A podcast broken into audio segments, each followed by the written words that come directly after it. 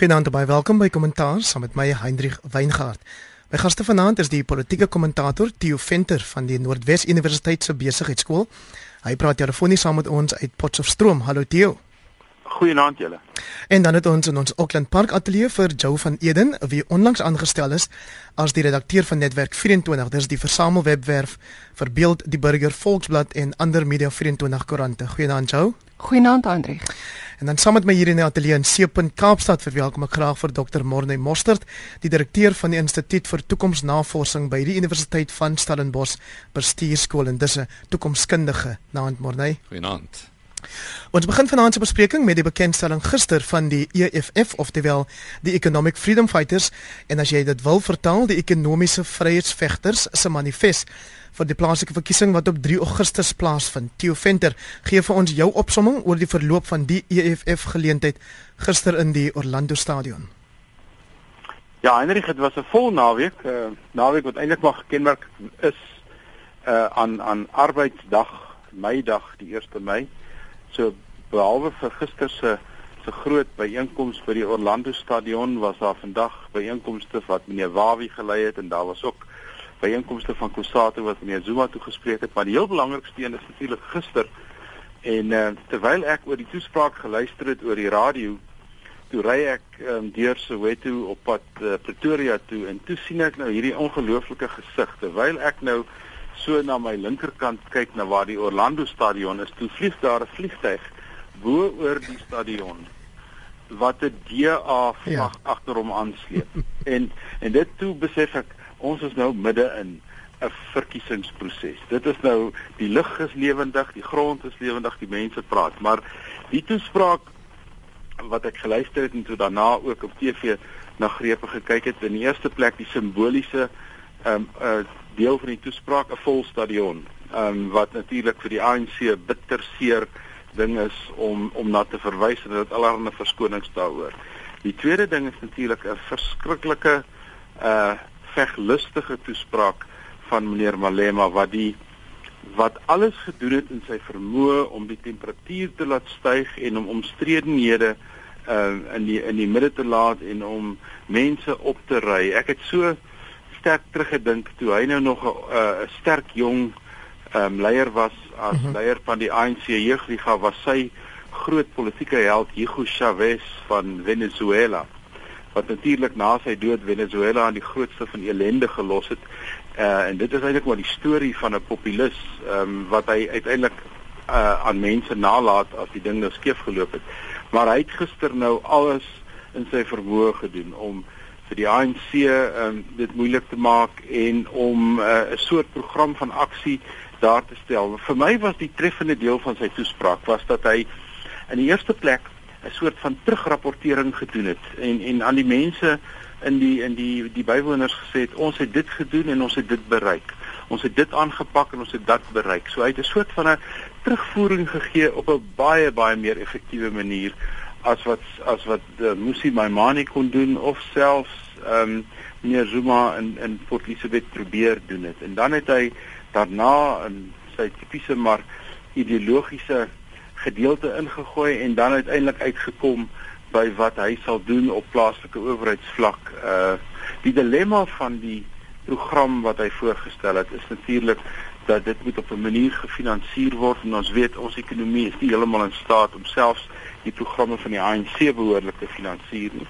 En in die tweede plek dat die die EFF as 'n mens nou 'n kort sinnetjie oor hulle moet sê is groot op retoriek maar laag op um, op lewering want hulle het eintlik geen bewese plaaslike owerheids ehm um, ervaring nie. Ehm um, nêrens om regtig van te praat nie. Die die ses onafhanklikes in die Klokwe stadsraad in Potchefstroom is waarskynlik die mees ervare EFF raadslede in die land op die oomblik en hmm. hulle is nie op die oomblik in die stadsraad nie, hulle is meer in die howe as op 'n ander plek. So dit is die EFF se grootste probleem.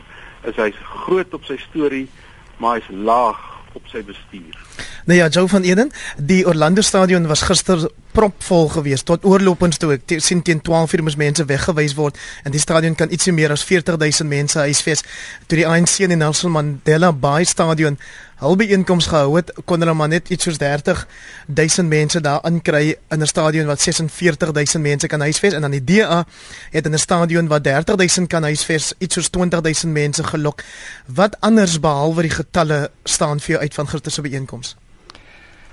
Heinrich, ek dink ehm um, Theo het in sy verwysing na ehm um, meneer Malema se toesprake baie interessante aspek aangeraak en dit is die soos hy dit stel die EFF wat groot is op op retoriek. As mens nou gister geluister het na meneer Malema se toespraak, daar's verskeie baie praktiese goed wat hy voorstel en en wat hy sê wat die EFF gaan doen ja. wanneer hulle dan nou op munisipale vlak um, in in in in 'n um, regerende um, rol kom. Maar mens moet bietjie terugdink na die die tweede bevryding waarmee die EFF nou besig is, die ekonomiese bevryding. Mm -hmm. En dan moet jy die lyne terugtrek na die ANC en hulle politieke bevryding en sê wat is die uitdagings wat vir albei partye die een nou reeds die ervaring het en die ander nou voorlê. En die EFF sit in daardie opsig met presies dieselfde probleem waar die ANC die probleem gehad het om van 'n bevrydingsbeweging na 'n regerende party beweeg te beweeg. Sit die EFF met die met dieselfde uitdaging en en dit is wat wat Theo nou baie goed uitgewys het.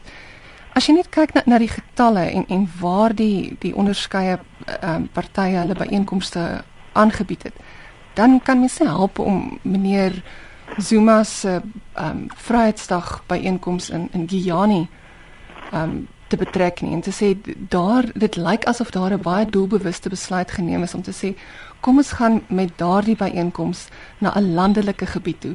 Kom ons gaan na die hart van die ANC toe. Kom ons gaan na die na die omgewing toe en na na die stemvee toe waar daar 'n baie baie sterk fokus is op infrastruktuurontwikkeling, dienslewering, presies die storie wat die ANC graag wil vertel en die goeie storie wat hulle nodig het om te vertel en fokus dit op 'n groep mense wat ontvanklik is daarvoor. So ek ek dink die die plekke waar die byeenkomste gehou is en en die opkoms daar weerspieël definitief die eh, soort van ondersteuning wat die onderskeie partye geniet in die streke, maar strategies maak dit ook sin om te sien hoe die partye spesifieke kiesers korpse begin teiken met die oog op op die verkiesing. Dan sê Mordey Monster jy sou gehoor het dat Julius Malema leier van die EFF sê iets wat 'n mens nie dikwels hoor by ander partyleiers nie en dit is dat hulle geen korrupte raadslede sal toelaat in die EFF nie. Hy het die guldige geleentheid om dit nou te sê want hulle was nog nooit verkiesbaar in 'n plaaslike verkiesing nie. So dit is 'n geweldige slim opportunistiese geleentheid. Ek dink hy het 'n paar dinge uitstekend reg gekry. Hy het uh, in sy terugvoer amper 'n soort van state of the nation tipe evaluering gegee en dit dit is nie toevallig nie. Uh, Julius Malema is 'n is 'n uitgeslaapte politikus. Hy het binne 'n geweldige kort periode geweldige groot mag versamel. En ek dink dit dit uh, dit sonder om beslis uit. Die ander ding wat interessant vir my was is hierdie hierdie uh, soort van call to action waarna hy verwys dat dat eintlik stel hulle belang in mense wat lees mense wat ingelig is. En dit is iets wat ek nog nie by enige ander politieke party gehoor het nie. Hy het gesê ons soek raadslede wat ingelig is en mense wat hou van lees. En, en ek dink dis absoluut verfrissend. En nie slaap in die parlement. Dis heeltemal reg. Ehm um, en en ek dink die die ander ding wat 'n mens dalk kan sê is die 'n mens kan miskien ook bevraagteken die mate waartoe EFF ondersteuners wel besluite maak gebaseer op die manifesto. Ek dink uh, baie min mense sou waarskynlik die manifesto lees en dan besluit watter rigting hulle hulle stem gaan uitbring. Maar Theo Venter as dit dan so is dat 'n klomp van hierdie dienslewering proteste dikwels te maak het daarmee dat plaaslike gemeenskappe voel hulle raadslede is nie beskikbaar genoeg nie en die EFF kom dalk is dit ook retoriek of net opportunisties maar hulle sê hoorie ons raadslede se selnommer sal beskikbaar wees en hulle moet daai foon 24 uur per dag aanhou of aangeskakel hou. Dit is heeltemal moontlik um, om dit te doen en dit is heeltemal moontlik om dit so te bestuur. Ek dink die ANC het in 'n in 'n lokval beland wat eintlik maar vir hulself geskep het en dit is dat daar het 'n daar het 'n afstand gekom tussen die ANC en mense op die grond wat heeltemal te groot en en en en die die die gaping net te wyd geword. En dit is maar wat gebeur met 'n regerende elite as jy as jy um 22 jaar aan bewind is sonder 'n oordentlike oppositie. Dit het ook met die nasionale party gebeur in die vorige bedeling. Alhoewel die ANC bitter kwaad raak as mense hulle vergelyk met die met die nasionale party, maar daar's tog sekere parallelle te trek en die bietjie wat ek gesien het van die 6 of 7 onafhanklikes hier in die omgewing waar ek is, um, Potchefstroom en die en die en die en die woonbuurte hier, is dit bepaal wat gebeur. Daar is 'n baie groter toeganklikheid, maar nou moet ons 'n baie belangrike perspektief byvoeg en Morney het dit nou reeds genoem. Jy kan al hierdie goeie sê as jy 'n oppositieparty is want jy is nie werklik in beheer nie. Maar die oomblik wat jy regering raak, dan dra jy twee hoede. Jy regeer, maar jy's ook die politieke party. En daar begin die probleem. As jy dit nie goed bestuur nie, hierdie twee ehm um, poste wat jy eintlik beklee, dan raak die dinge probleem en dan raak die toeganklikheid tot raadslede raak 'n probleem want die raadslede is nie net daar elke dag vir elke wijkraadslid nie. Hy het ook 'n funksie in die stadsraad om te bestuur en hy sin vergaderings en hy en hy moet um, rondry en al sulke soort van dinge, dan raak dit 'n probleem en ek het dit nou al oralster gesien dat soos persone in die politiek opbeweeg raak hulle horende doof. Hulle selfoonnommers raak weg en dit is baie moeiliker om by hulle uit te kom. Ja, so van Eden, eh, die Malema dan nou het gister ook gesê in hierdie plaaslike verkiesing is daar net twee partye, dis die ANC en die EFF. So dit lyk my hulle benader om amper soos 'n nasionale of 'n algemene verkiesing. Ja, as as ek dan nou kyk dan wonder ek hoeveel daarvan is is persoonlik want ek ek dink tog meneer Malema het uit die aard van sy geskiedenis met die ANC dalk 'n persoonlike byltjie te sluit. Maar die ding wat vir my wel interessant is, is die verskil in organisasiekultuur tussen die ANC en die EFF in hierdie stadium. Net as jy net bloot kyk na na, na die rooi oorpakke. Dit sê ons is hier om te werk in die parlement. Dit sê ons is reg om moue op te rol, ons gaan goed laat gebeur. Dit sê ons is bereid om te mobiliseer. Ons werk tussen ons mense, ons is saam met ons mense in voeling op die vlakke waar ons mense die alle krisis moet trek vergelyk dit nou met die ANC wat amper in 'n soort van 'n as jy kyk na die die lyfstaal in die parlement agteroor sit 'n rustige amper 'n selfversekerdheid wat wat hulle het. Um, ons hoef niks meer te doen nie want ons is in beheer. En ek dink as jy daardie twee organisasiekulture teenoor mekaar stel, dan dan is dit nogal iets interessant om, om om dop te hou. Die ander probleem wat wat daarmee saamgaan is is die kultuur van korrupsie wat by die ANC ingesluip het en en wat amper nou deel geword het van van die party se DNS en en mense wonder hoe gaan die party dit regkry om daarvan ontslae te raak. Maar nou het ons 'n probleem wat ons uh, wat ons het met korrupsie meneer Zuma, um, ons sal net daarby kom het en sy eie soort probleme, maar Julius Malema het ook 'n geskiedenis met korrupsie en dit lyk vir my hy is baie suksesvol in sy media veldtog om dit om die om die aandag weg te stuur van 'n wesenlike korrupte situasie waarin hy betrokke was vir 'n baie lang tyd terwyl hy by die ANC jeugliga was. Ja. Ek ek ek sê maar net dat hy praat ook gemaklik oor korrupsie, maar ek dink as die ontvanger uh sterker wil optree, het Julius Malema nog steeds 'n probleem en ek ek is seker die saak in Limpopo waar miljoene der miljoene rande um, na hom toe gevloei het rondom sy plaas en rondom sy familietrust en die goeders, daai sake het nog nooit in die howe gekom nie. Ja, so hy hy kan seker nou vir vir die vir die oomblik wegkom daarmee jy jy het ook verwys na die vliegtuig met 'n DA manier wat daar oor die stadion um, gevlieg het. Ek ek stel belang om te weet wat jy dink die rasionaal daar agter is en of jy dink dit is 'n suksesvolle politieke strategie of as daar dalk die moontlikheid dat dit kan lei tot 'n tipe van 'n wrywing tussen die twee partye. Ek dink dit dis was vir my 'n weerspieëling van twee uh verskillende veldtogte. Uh ek dink die DA het 'n baie wetenskaplike en 'n baie tegniese en 'n baie deurdagte soort veldtog wat op verskillende vlakke hanteer. En uh, ek twyfel of die EFF ooit daaraan gedink het dat jy ook in die lug kan adverteer, dat jy iets agter 'n vliegtuig kan aantrek. En ehm um, nee, ek dink dit is dit is maar net 'n weerspieëling van van verskillende veldtogte en ek dink dit vertel ons ook terwyl die ANC nou hulle hulle hulle dag gehad het met hulle bekendstelling van hulle manifest en die DA dit gedoen het ehm um, gaan ons in die DA dink ek 'n baie meer ehm um, 'n veldtog sien wat baie meer gaan lyk na wat byvoorbeeld in die FSA plaasvind waar jy alle media tipes en alle media soorte gaan gebruik terwyl die ANC miskien ook 'n deel daarvan gaan gebruik, maar die EFF dink ek gaan fokus op veldtogte in gemeenskappe en om pogings aan te wend om die mense wat hulle graag wil hê vir hulle moet stem te motiveer om te stem want hulle het 'n probleem en dit is histories stem mense in Suid-Afrika ongeag van kleur onder die ouderdom van 35 nie graag in plaaslike regeringsverkiesings nie. Dis 'n vakansiedag, so ek gaan liewer visvang of ek gaan rondloop of ek gaan een of ander ding doen. Ja, maar nou my my my vraag was eintlik oor of jy dink hierdie stap van die DA was slim geweest of was dit 'n soort van 'n politieke opportunisme wat daar weer speel is? Henry, ekskuus dat ek daar kan inkom. Ek ek dink die die DA het, het definitief die die gaping gesien en en hom geneem. Ons moet net ook in ag neem.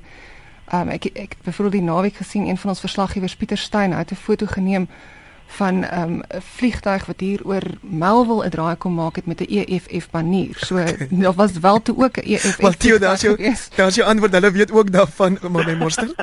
ja. Ja, ek dink is is dis uiters slim strategie in in die sakeomgewing verwys ons daarna as ambush marketing. Jy bring die mense bymekaar en dan kan ons vir hulle ons boodskap gee. En ek dink dit was baie interessante simboliek. Uh, julle is dalk die voetsoldate, maar ons kan julle hoor laat vlieg uh, Theo Venter koalisies um, in die onderhoud wat Julius Malema verlede Sondag met Al Jazeera gehad het. Ons kan nou nou ook net 'n bietjie meer praat oor die uh, klag of die beskuldiging van hoogverraad wat daaruit voortgevloei het, maar in daai selfde onderhoud sê hy daarom ook dat hulle oop is vir koalisies um, na die plaaslike verkiesings. Ja, dis bietjie meer ehm um, uh, verskillende stemme wat ons van die EFF af hoor oor koalisies en ek dink dit is tipies wat 'n mens gaan hoor van nou tot die 3de Augustus toe. Um, om bietjie versigtig te wees met wie ons in koalisie gaan. Uh Wawie is net so versigtig oor hierdie koalisiepolitiek veral in in in Port Elizabeth waar dit waarskynlik uh, een van die uitkomste gaan wees. Ek dink nie ons moet ons verskriklik baie daaraan steur nie. Die oomblik wanneer die stemme getel is en dit is duidelik waar koalisies noodsaaklik gaan wees, sal die politieke rolspelers bymekaar uitkom en ek weet die joernaliste gaan hulle aan mekaar peper oor die vraag en hulle gaan aan mekaar draaie loop om hierdie vraag. Maar ek dink wanneer ons klaar is met die verkiesing, gaan dit duidelik wees dat daar 'n hele paar plekke moet wees wat met koalisies gaan werk en ons gaan vreemde koalisies en vreemde samewerking sien uh tussen verskillende politieke partye oor ideologiese grense wat lyk of hulle glad nie kan saamwerk nie, maar ek dink dit is maar deel van ons politieke ontwikkeling wat ons gaan sien. En daar net so kwe uh, munisipaliteit weet julle natuurlik van vreemde koalisies. Die oorlosie sê dis nou 17 minute oor 8. Jy luister nou kommentaar en my paneel vanaand bestaan uit Theo Venter wie se stem julle nou gehoor het. En hy is natuurlik 'n ou bekende op die program en dit het ook vir Morne Moster wat al 'n hele paar keer saamgepraat het. En ons het vanaand vir Jou van Eden wat by ons aansluit uit die Auckland Park Ateljee. Ek het nou nog gepraat van hierdie Al Jazeera onderhoud ehm um, wat uh, Malema verlede Sondag gedoen het. Ek sien hierdie onderhoud het al iets soos 100 000 kykie gekry op YouTube Morne Moster teenoor 'n onderhoud wat dieselfde kanaal met uh, eh, Musi Maimane die DA leier gedoen het 'n tyd terug en dit maar iets soos 800 uh, kykie dink ek. Maar wat natuurlik daaruit voortgevloei het is dat Malema nou beskuldig word vanuit ANC geleedere van hoogverraad omdat hy gesê het as dit dan nodig sou word sal hulle die ANC regering deur die loop van 'n geweer verwyder. Dit is in 'n sekere sin die tipiese karakter van die EFF uh, om in sulke terme te praat, maar dit is eintlik ook uh, en dit het mense ook gesien um, in in Malema se se manifesto. Dis eintlik ook die tipiese taal van die werkers en ek dink is 'n uh, dis interessant hoe die dinge nou opportunisties half by mekaar uitkom. Die hele geskiedenis van die werkers versus die kapitalisme was eintlik maar 'n baie gewelddadige stryd en in daai sin sit maar meneer Malema eintlik maar net die die tipiese kenmerke van daai stryd voort. Of die klag werklik gemaak gaan word dink ek nie uh, ek, ek ek het my bedenkinge oor of dit werklik sal uh, gebeur en indien dit sou gebeur moet mense dit natuurlik opvolg en dan dan moet mense dit gaan toets in die hof. Maar ek dink nie ons het genoeg getuienis hier van hoogverraad. Jou van Eden en tog berig die Sunday Times vandag dat die minister van staatsveiligheid David Maslobo self in beheer is van hierdie ondersoek teen Malema. Ja, is is twee dinge om na te kyk. Die, die een is wie wie hanteer die ondersoek en die ondersoek word hanteer deur ehm um, mense wat in plek gesit is deur president Zuma om homself te beskerm. So dit dit is 'n absolute ooglopende strategie wat daar gevolg word. Ek sal net wil weet van die meer as 100 000 kykke wat wat die onderhoud nou al gehad het, hoeveel daarvan het volledig gekyk na die onderhoud, die hele hele gesprek gesien om die volle konteks te kry van dit wat gesê is teenoor mense wat net gegaan het om te kyk na daardie spesifieke greep wat wat hy sê ons sal die wapen opneem en dan vra die onderhoud voerder vir maar is dit wat jy sê dan sê Wat dink jy sal mense wysrank daai uit as hulle die volle volledige video kyk? Dit gaan vir my terug na die simboliek. Die presies die die die opmerking wat vroeër gemaak is, die die simboliek rondom die die EFF. Die amper saam met die werkersklas um uitrusting, die militêre berei, die verwysing van die ondersteuners van van die EFF na meneer Malema as die commander in chief asof hy aan die hoof staan van 'n weermag. Hy hy staan aan die hoof van 'n politieke party, maar hulle gee hulle self so 'n bietjie uit vir vir iets wat wat lyk asof dit militêre weet 'n militêre simboliek kan hê. En, en ek dink in terme van dit moet mense gaan kyk wat is volledig gesê in die onderhoud en waar waar kom dit wat hy gesê het vandaan? Want want hou ook verband met vrese wat hy uitgespreek het oor hoe die ANC sal reageer um, in in gedrag tydens 'n verkiesing, die die uitslag van 'n verkiesing. Wat as die die verkiesing A sê terwyl die verwagting van van die ANC byvoorbeeld B is? En en ek dink dit is 'n ongeldige vraag nie, dis iets wat almal oorwonder. Hoe gaan die ANC regeer of reageer die dag wanneer hy by die stembus verslaan word? En daar daardeur sê daardeur sê ek nie ehm um, dat dat dit wat meneer Malema gesê het reg is nie. Ek dink net mense mense moet gaan kyk na die konteks waarbinne hy dit gesê het. Theo Venter, Malema sê ook gister ons dreig nie die ANC met geweld nie, maar wel met 'n aggressiewe en 'n militante verkiesingsveld tog. Dan die volgende. Ek waarsku jou Zuma, die weermag gaan binnekort nogal gewere teen jou draai. En as jy verlede naweek in die Sunday Times gesien het, het 'n militêre kenner juis gepraat oor hierdie olifant in die vertrek, naamlik wanneer gaan Zuma hom na die gewapende magte of die weer weermag wend om sy politieke mag te behou? Ja, daar's drie goed wat ek wil sê. Die eerste ene is ehm um, die die kultuur in die weermag. Kom ons begin daarby.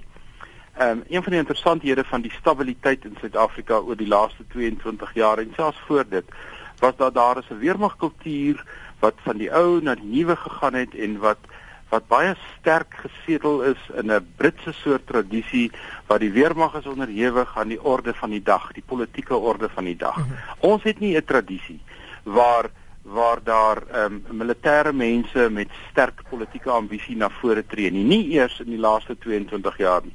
Die naaste wat ons ooit aan 'n aan 'n burgeroorlog was in Suid-Afrika was toe toe die die weermag vakbond en die polisie slaags geraak het op die grasperk van die Unie gebou so 3 of 4 jaar gelede. Maar dit was sommer so klein skermutselinkie maar so dit dit moet ek sê as deel van die kultuur. Die tweede deel is die weermag is beslis deel van die sogenaamde sekuriteitsgroepering of security cluster maar hulle is nie een van die harde spelers in daai cluster soos die NPA en die polisie en dis weer nie hulle speel 'n baie meer agtergrondsrol en ek weet dat die weermag is pynlik bewus van die die die die militêre burgerlike verhouding en die hele kompleks daar rondom wat hulle moet bestuur. En dan kom ek by die derde punt, uh, Julius Malema se se uitsprake. Ek dink hy probeer meneer Zuma druk polities om om uitsprake hieroor te maak. Ek dink hy probeer om uitlok om om goeters te sê en ek dink hy is polities baie baie en um, doelbewus in in wat hy sê. Maar Eh, die laaste ding wat ek hieroor wil sê en en Joe het opgemerk oor die militêre struktuur van die EFF en en die name en die benamings wat hulle gebruik. Daar's natuurlik 'n 'n verskuilde probleem vir die EFF oor die langer termyn in hierdie gemilitariseerde politieke struktuur wat hulle handhaaf en dit is militêre strukture is altyd baie hiërargies of jy dit nou wil glo of nie. En jou ideologie is amper voorskrifklik. En uh, ergens langs die pad gaan hierdie ding die EFF nog inhaal. Wat as daar sterk leiers van onder af kom en hulle begin verskil met die commander in chief? Hoe hoe tree jy met hom 'n gesprek? Staan jy op aandag en vra jy toestemming om te praat? Of tree jy robuust op soos wat politieke partye maar doen. So die EFF het in 'n sekere sin ook die kiem van sy eie ondergang nou al in sy struktuur ingebou. Maar die mosterd jy het baie onlangs het jy praat saam oor die kwessie van revolusies gepraat. Voorsien jy dat ons dalk na wat um, Theo nou gesê het, 'n uh, revolusie in die EFF self sal sien voordat ons een in die land sal sien? Ek dink mense sien interessante tipiese verskynsels in die evolusie van enige organisasie en e, die EFF is 'n voorbeeld daarvan en hy is tans besig om deur daai groot word proses te gaan. Ek dink dit is heeltemal moontlik, maar meneer Malema en die identiteit van die party is so na aan mekaar dat ek dink vir die afsienbare toekoms verwag mense nie dat daar daai tipe revolusie gaan wees nie.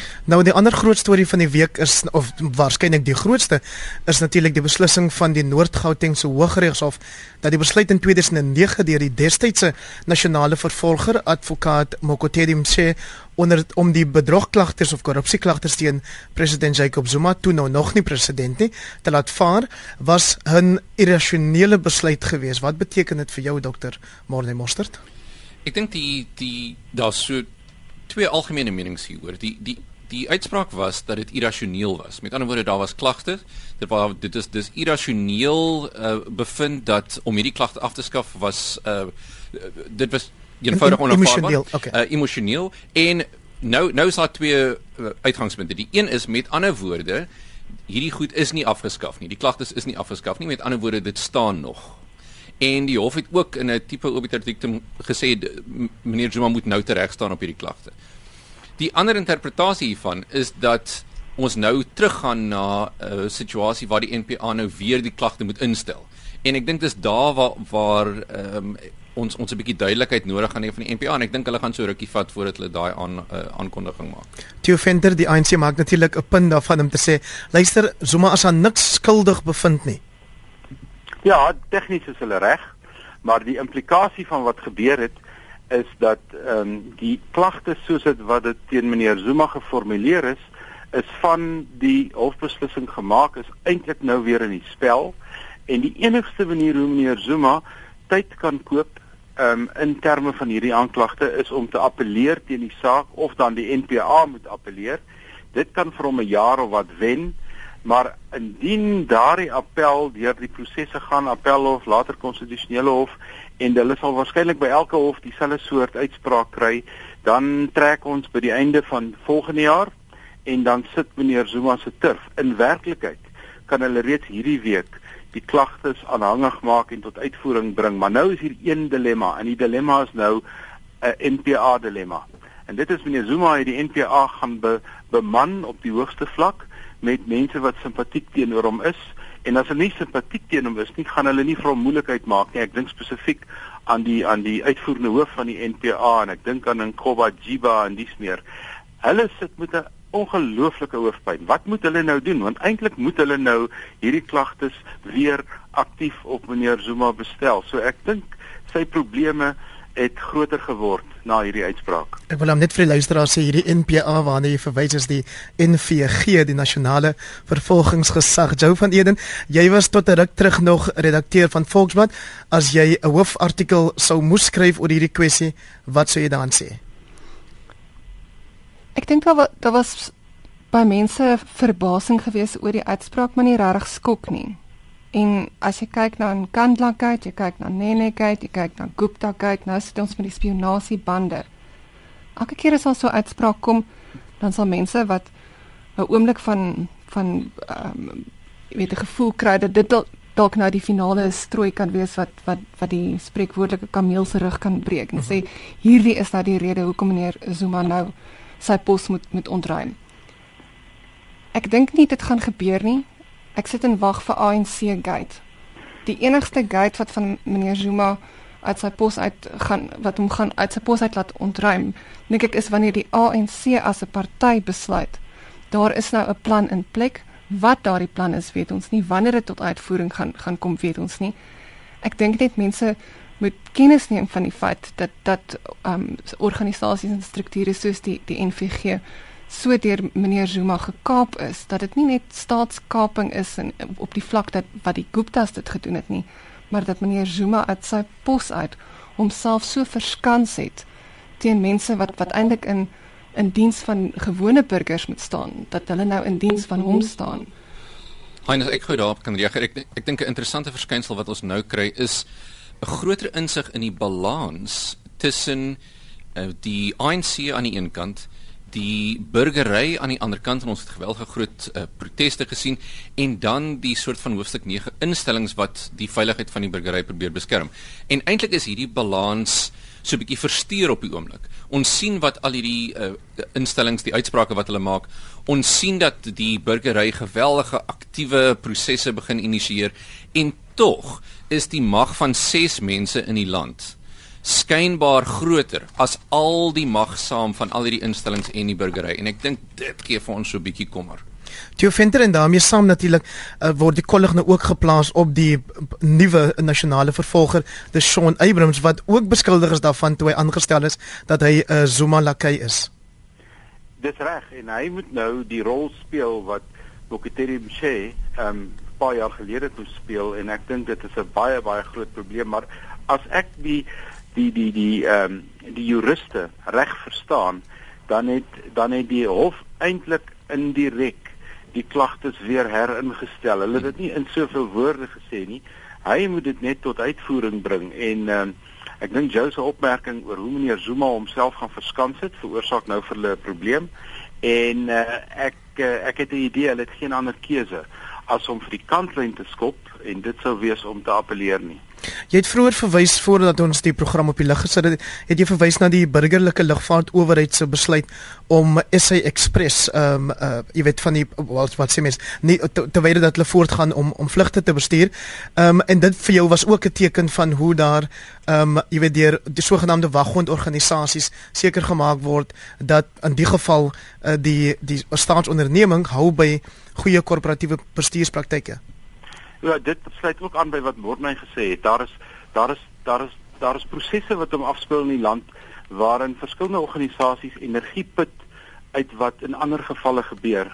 Tuli Madonsela het vir 'n hele klomp ander instansies half die die die voortou laat neem om sê ons kan eintlik ons pligte uitvoer as ons wil en ek dink twee goed het gebeur die week boonbehalwe nou hierdie twee groot sake wat ons bespreek. Die een is dat die burgerlike lugvaartorganisasie die moed van sy oortuiging gehad het om 'n staatsonderneming, SA Express, vir ten minste 42 uur op die grond te hou omdat hulle nie sekere verpligtinge nagekom het in terme van korporatiewe bestuur nie. Dit gegaan oor audits wat nie nagekom is nie en dis meer en dis meer. Dit was 'n baie belangrike punt. En die tweede een wat ook die week gebeur het so tussen neus en ore was dat die DG van Departement Finansies se kontrak weer hernie is. Dit sê vir jou dat meneer Pravin ehm um, uh, Pravin Gordhan meer invloed en meer mag het want daardie um, hernuwing van daai kontrak is eintlik 'n kabinetsbesluit as wat as wat 'n mens dink. En iets soos die twee goed om dit nou net bymekaar te sit is ook dinge waarna die instansies moet kyk wat Suid-Afrika se se se se kredietgradering en dis meer moet dan kyk dat daar is sekere stelsels en prosesse wat beslis nog werk ten spyte van al hierdie ander kwellinge wat ons nou al vanaand bespreek het. En een daarvan Joe van Eden om nou Theo se woord van vroeër die juriste te gebruik is dat die grondwetlike hof hierdie week gesê het woude kom behoort vir die voormalige werknemer van hulle wat ehm um, hierdie please call me funksie uh mee voor 'n dag gekom het, moet hierdie werknemer of hierdie voormalige werknemer van hulle ordentlik vergoed daarvoor. Ja, dit was 'n interessante hofuitspraak geweest wat wat oor 'n baie lang tydperk gekom het in 16 jaar. Ja, en en, en ek dink in in daardie tyd eh, mens vergeet so 'n bietjie van die hofsaak en dan dan uh, raak dit weer nuuswaardig en dit is so deel van van wat 'n mens doen met 'n telefoon. Ek dink vir 'n groot deel van van van telefoongebruikers dit raak spreek deel van die spreektaal om te sê ek stuur 'n please call me. So hier word iemand nou vergoed en reg en geregtigheid ges, geskied om te sê maar ons moet erkenning gee daarvoor. Ek dink die interessante deel daarvan is wat baie mense in organisasies dan vra maar waar lê die lyn tussen my intellektuele eiendom en die intellektuele eiendom wat ek oorgee aan aan my maatskappy maar meer nog as dit ons het regtig in ons land nodig dat dat mense innoverend moet dink en met nuwe idees vorendag moet kom om probleme op te los en en die lewe makliker en, en en beter te maak. En miskien sal ehm um, hierdie oud werknemer van eh uh, Woude kom eh uh, uh, Mornemors dit miskien sal hy met die geld wat hy gaan kry ehm um, dalk jy weet uh, begin met sulke idees soos wat Joe nou gesê het. Ek ek dink uh, Joseph punt oor innovasie is geweldig belangrik. Dit is belangrik vir werkskepping, dit is belangrik vir Suid-Afrika se uh, posisie op in in internasionale geleedere en hierdie is goeie nuus vir die klein ouetjie. Dis goeie nuus, jy kan die groot manne aanvat. Nou ja, van Nkosana Makati se oorwinning in die grondwetlike hof Theo Venter gaan maak ons 'n draai by 'n sportstorie ons het so 6 minute nog oor van hierdie program vanaand. Ehm um, die sportminister Fikile Mbalula het nou besluit Suid-Afrikaanse rugby, Suid-Afrikaanse cricket, netbal en atletiek sal nie toegelaat word om enige internasionale geleenthede of byeenkomste aan te bied totdat die sportfederasies al eie transformasietekens bereik nie. Ja, dit was een van die skok aankondigings gewees in die laaste week of wat maar ek dink uh, meneer Fikile Mbalula is bekend daarvoor dat hy uh, hy praat en dan dink hy later oor oor wat is die implikasies van wat hy gesê het. Ehm um, dit is groot sportsoorte en die interessante deel is dat nie almal van hulle veral nie cricket nie en ook nie rugby nie is noodwendig afhanklik van staatsondersteuning vir die reël van hierdie groot byeenkomste nie die ander twee is wel. En uh, ek het net 'n idee, hierdie is so belangrik dat die dat die sportadministrateurs baie baie vinnig om 'n ronde tafel met die minister gaan sit en dat hulle tot een of ander ooreenkoms gaan kom baie vinnig. Maar hierdie het waarskynlik nou uh, 'n uh, belangrike boodskap gestuur vir sport om hulle transformasie teikens en prosesse meer dinamies te bestuur want dit lyk tog vir wat twee stories is. Die een storie is die die die die die sportorganisasie sê maar ons het gedoen, ons het sekere teikens en die ander storie is dat die minister sê maar julle het self hierdie teikens gestel en julle kom julle uit teikens nie na nie. Wat ook al die waarheid is, dink ek is te belangrik om as 'n soort saak in die lug te hang. Hulle moet praat daaroor en hulle moet die ding besleg. Jou van Eden, dit is opvallend dat die sportfederasie self maar stillerig is of dalk te bang om om die minister te te praat, maar Kali Kriel van Afriforum sê hierdie besluit is nie net strydig met internasionale sportregulasies nie. Dit laat ook die vraag ontstaan of wit deelnemers dan nou aan sport tweede klas burgers is. Ja, ek ek dink mense moet begin om te vra wat as ons op die sportveld draf, wat wil ons bereik? W wil ons um, op die sportveld draf en vir die mense wys hoe lyk die samestelling van van ons land? Hoe lyk die demografie? Of wil ons op die veld draf en wen? En dis twee totaal verskillende goed. Maar dit is nie onverzoenbaar nie. Ons kan by die plek uitkom waar die demografie op die veld dit weerspieël wat in die land aangaan en mense daar is op meriete maar dan moet daar op verskillende vlakke belê word in vaardigheidsontwikkeling en infrastruktuur uh, uh, infrastruktuurontwikkeling en met, met die regering van sy kant af ook privaat en en um, inisiatiewe ondersteun om om daardie geriewe en en strukture in plek te kry. En môre net mosterd nou sê Dr. Willie Barson wat lid is van hierdie sogenaamde eminent persons groep dat daar uit die 25000 skole in die land is aan 84 skole uh, sogenaamde model C of private skole wat die voedingsbronne is vir alle rugby, cricket en hokkie spanne. Dit is 'n probleem. Dit, dit wys dat daar is 'n gebrek aan integrasie. Ek dink 'n mens moet net vinnig ook sê dat uh, uh, Nerumbalila is natuurlik binne sy regte om so op te tree. Ons praat hier van van nasionale simbole. Uh hy maak miskien nie baie vriende onder sekere mense nie, maar moet mense moet ook wonder oor wat sy motivering is en wat hoekom juist die tydsberekening op hierdie geval?